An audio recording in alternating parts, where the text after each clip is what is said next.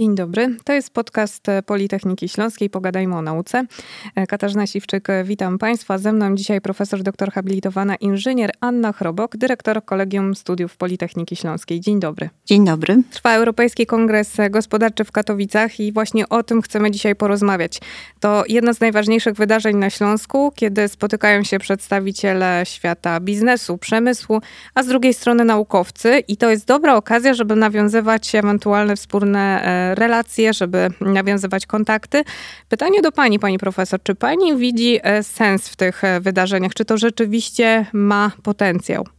Tak, oczywiście. Jest to szalenie ważne dla nas, dla naukowców, aby poznać nowych ludzi, aby poznać partnerów, potencjalnych przyszłych partnerów do współpracy przemysłowych.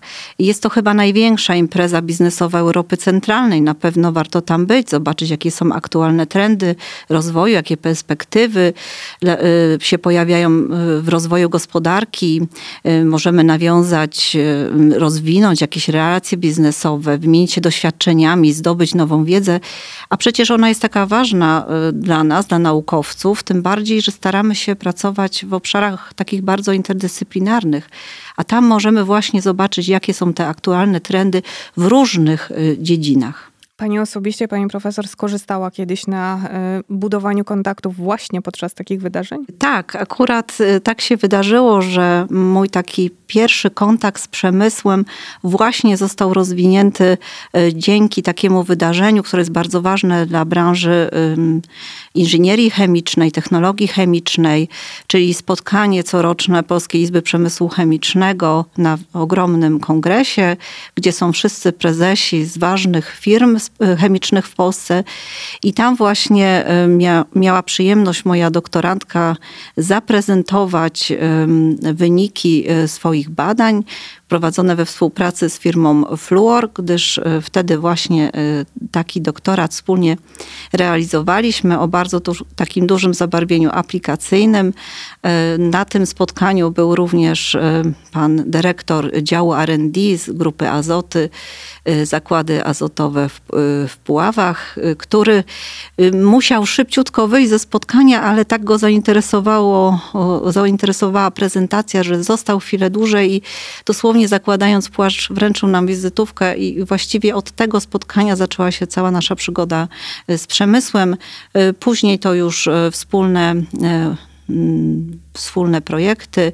I właśnie o to chciałabym pytać, ponieważ no, często mówi się tak, że no tak, odezwiemy się później, y, będziemy w kontakcie. To są takie hasła, które się często podczas takich spotkań e, rzuca, natomiast e, raczej w powietrze.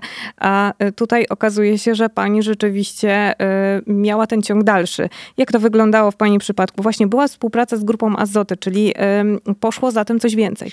Tak, pojechaliśmy na pierwsze spotkanie. Wtedy to się czułam troszeczkę jak taka taka rybka na spotkaniu z rekinem, prawda? Ale okazało się, że mamy y, do czynienia z osobami bardzo kompetentnymi po drugiej stronie, y, że jest potrzeba właśnie wdrożenia tej technologii, którą ja proponowałam, produkcji y, monomeru, kaprolaktonu, służącego do wytwarzania biodegradowalnego polimeru o zastosowaniach biomedycznych. Bardzo grupa azoty potrzebowała, aby żeby zastosować dywersyfikację produktów, poszukiwała zbytu na swój y, surowiec. Także idealnie, że tak powiem, znaleźliśmy się w czasie. Y, no i y, od razu podjęliśmy wspólne badania, prace naukowo-badawcze, które zrealizowaliśmy kilka. Pracowaliśmy nad podwyższeniem gotowości technologicznej tego rozwiązania. Finansowała to firma. Natomiast kiedy już pomysł był gotowy, Y, poszliśmy wtedy po finansowanie do Narodowego Centrum Badań i Rozwoju. Projekt został zakończony, a w tamtym roku y, powstała instalacja produkująca Epsilon caprolacton y, w grupie azoty. Jest projekt, który zakończył się już sukcesem, ale zanim to się stało, to jest długa droga, tak naprawdę. I o tym jest dużo dyskusji podczas takich spotkań jak Europejski Kongres Gospodarczy. Jak wygląda ta ścieżka od pomysłu do przemysłu, tak to nazwijmy, bo mm, ta ścieżka w pani e, wypadku, ona się rzeczywiście naturalnie zaczęła podczas tej rozmowy, podczas tego spotkania, natomiast e, za tym idzie cała masa e, takiej takich formalnych zobowiązań. Więc proszę nam opowiedzieć, czy mm, od czego się taka, taka ścieżka zaczyna? Od składania wspólnego projektu, od złożenia wniosku o finansowanie. Gdzie jest ten pierwszy krok? No, na pewno na początku trzeba swoim pomysłem zainteresować partnera przemysłowego. I to się różnie dzieje. Y, na bardzo wczesnym rozwoju technologii, gdzieś, y, gdzie mamy poziom gotowości technologicznej 2, y, możemy opatentować swój pomysł jako Politechnika Śląska, ale jeżeli już na tym etapie znajdziemy partnera przemysłowego, który będzie finansował dalsze badania, możemy go zaprosić do wspólnego patentowania. To jest bardzo istotne dla firmy, ponieważ y, będzie chciała dalej tą technologię y, rozwijać. Co to znaczy gotowość technologiczna do wdrożenia? Bo to brzmi tak dość y, skomplikowanie. Być może warto tutaj wyjaśnić. Mamy dziewięć takich etapów, dziewięć poziomów. Dziewiąty poziom oznacza, że technologia została całkowicie wdrożona do praktyki przemysłowej.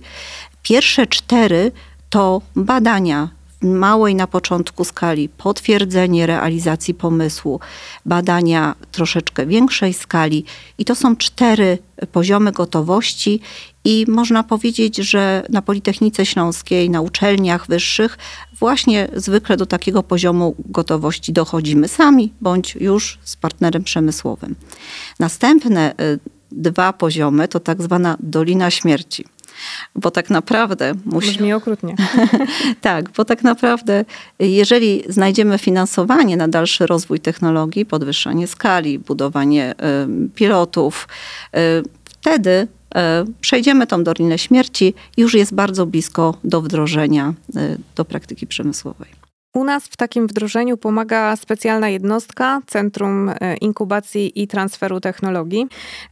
My rzeczywiście na Politechnice Śląskiej staramy się pozyskiwać też e, finansowanie i partnerów dla e, różnych projektów. W jaki sposób próbujemy tych partnerów pozyskać? Czy e, oprócz tego, że mm, prezentujemy im produkt, który już jest gotowy do wdrożenia, to mamy jeszcze jakieś inne specjalne argumenty, że warto z nami pracować. My nie jesteśmy tylko naukowcami zamkniętymi w laboratorium. My mam, mamy wam do zaoferowania coś, co naprawdę mm, może wam posłużyć na przykład do rozwoju przemysłu przemysłu. Tak, oczywiście. Takie portfolio, doświadczenie y, już w wdrożeniach jest bardzo istotne w rozmowie z partnerem przemysłowym. Y, przede wszystkim Politechnika Śląska dysponuje potężnym zapleczem badawczym, y, bardzo drogimi aparatami, nie tylko analitycznymi, ale również całymi liniami technologicznymi, na których te technologie mogą być testowane. To jest niesamowicie istotne. Mamy też swoich e, partnerów, z którymi współpracujemy.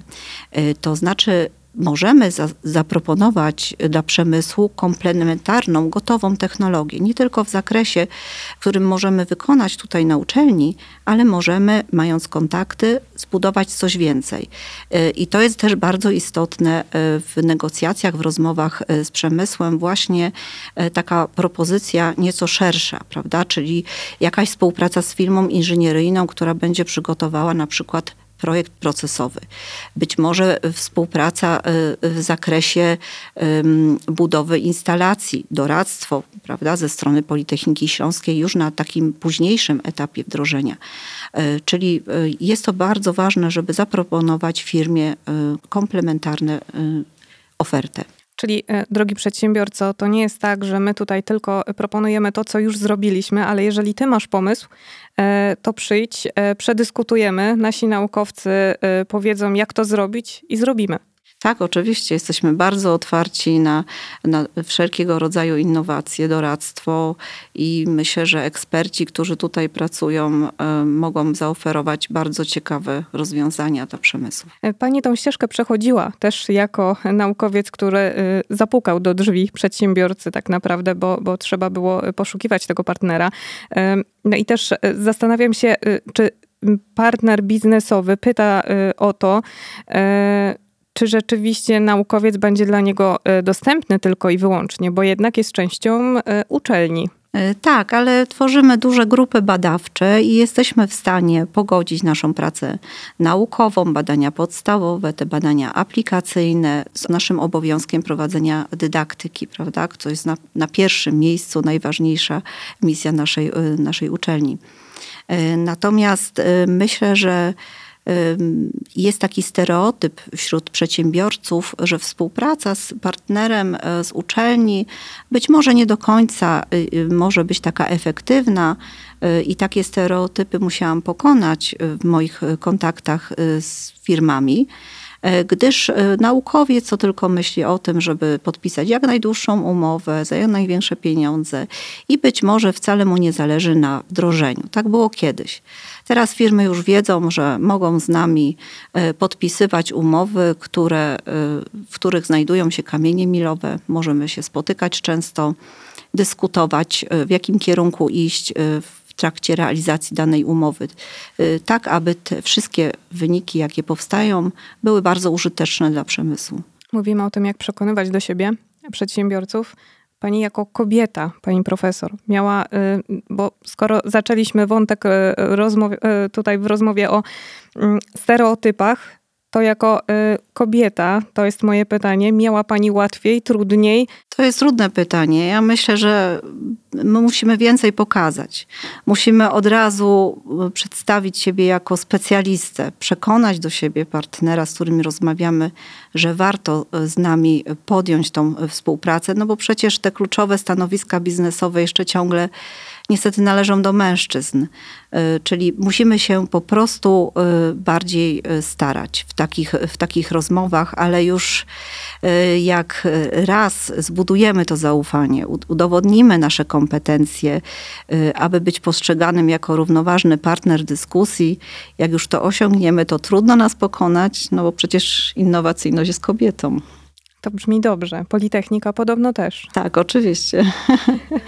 Y, no i na koniec pytanie o najtrudniejsze, czyli o pieniądze, bo y, tutaj wszystko w takich dużych projektach y, zazwyczaj kończy się na rozmowie o pieniądzach. Mm, a jeśli o pieniądzach mowa, no to chodzi głównie o finansowanie tych projektów. Skąd brać zatem e, pieniądze na to, żeby e, w ogóle sfinansować swój pomysł, żeby sfinansować swój projekt? Bo mm, musimy często udowadniać e, państwo jako naukowcy. Czy pani też stanęła przed tym wyzwaniem, że musi pani udowodnić, że ten projekt nie jest stworzony tylko dla naukowców, ale on też posłuży e, no, albo przedsiębiorstwu, albo jest tak zwanie społecznie użyteczny? Czy trzeba rzeczywiście w każdym takim projekcie y, argumentować y, za każdym razem, że to nie jest nauka dla nauki? Tak, oczywiście. Jeżeli staramy się o finansowanie takich y, pomysłów, badań aplikacyjnych, no to na przykład staramy się o projekty w Narodowym Centrum Badań i Rozwoju, możemy się starać oczywiście o fundusze europejskie.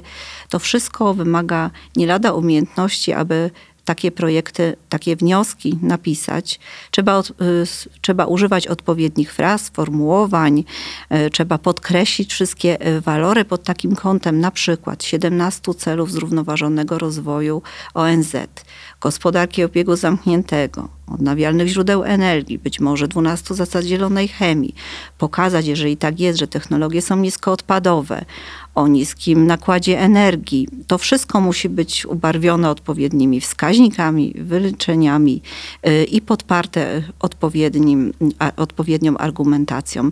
Jest to no nie lada wyzwanie. To brzmi jak y, taka dobra perswazja.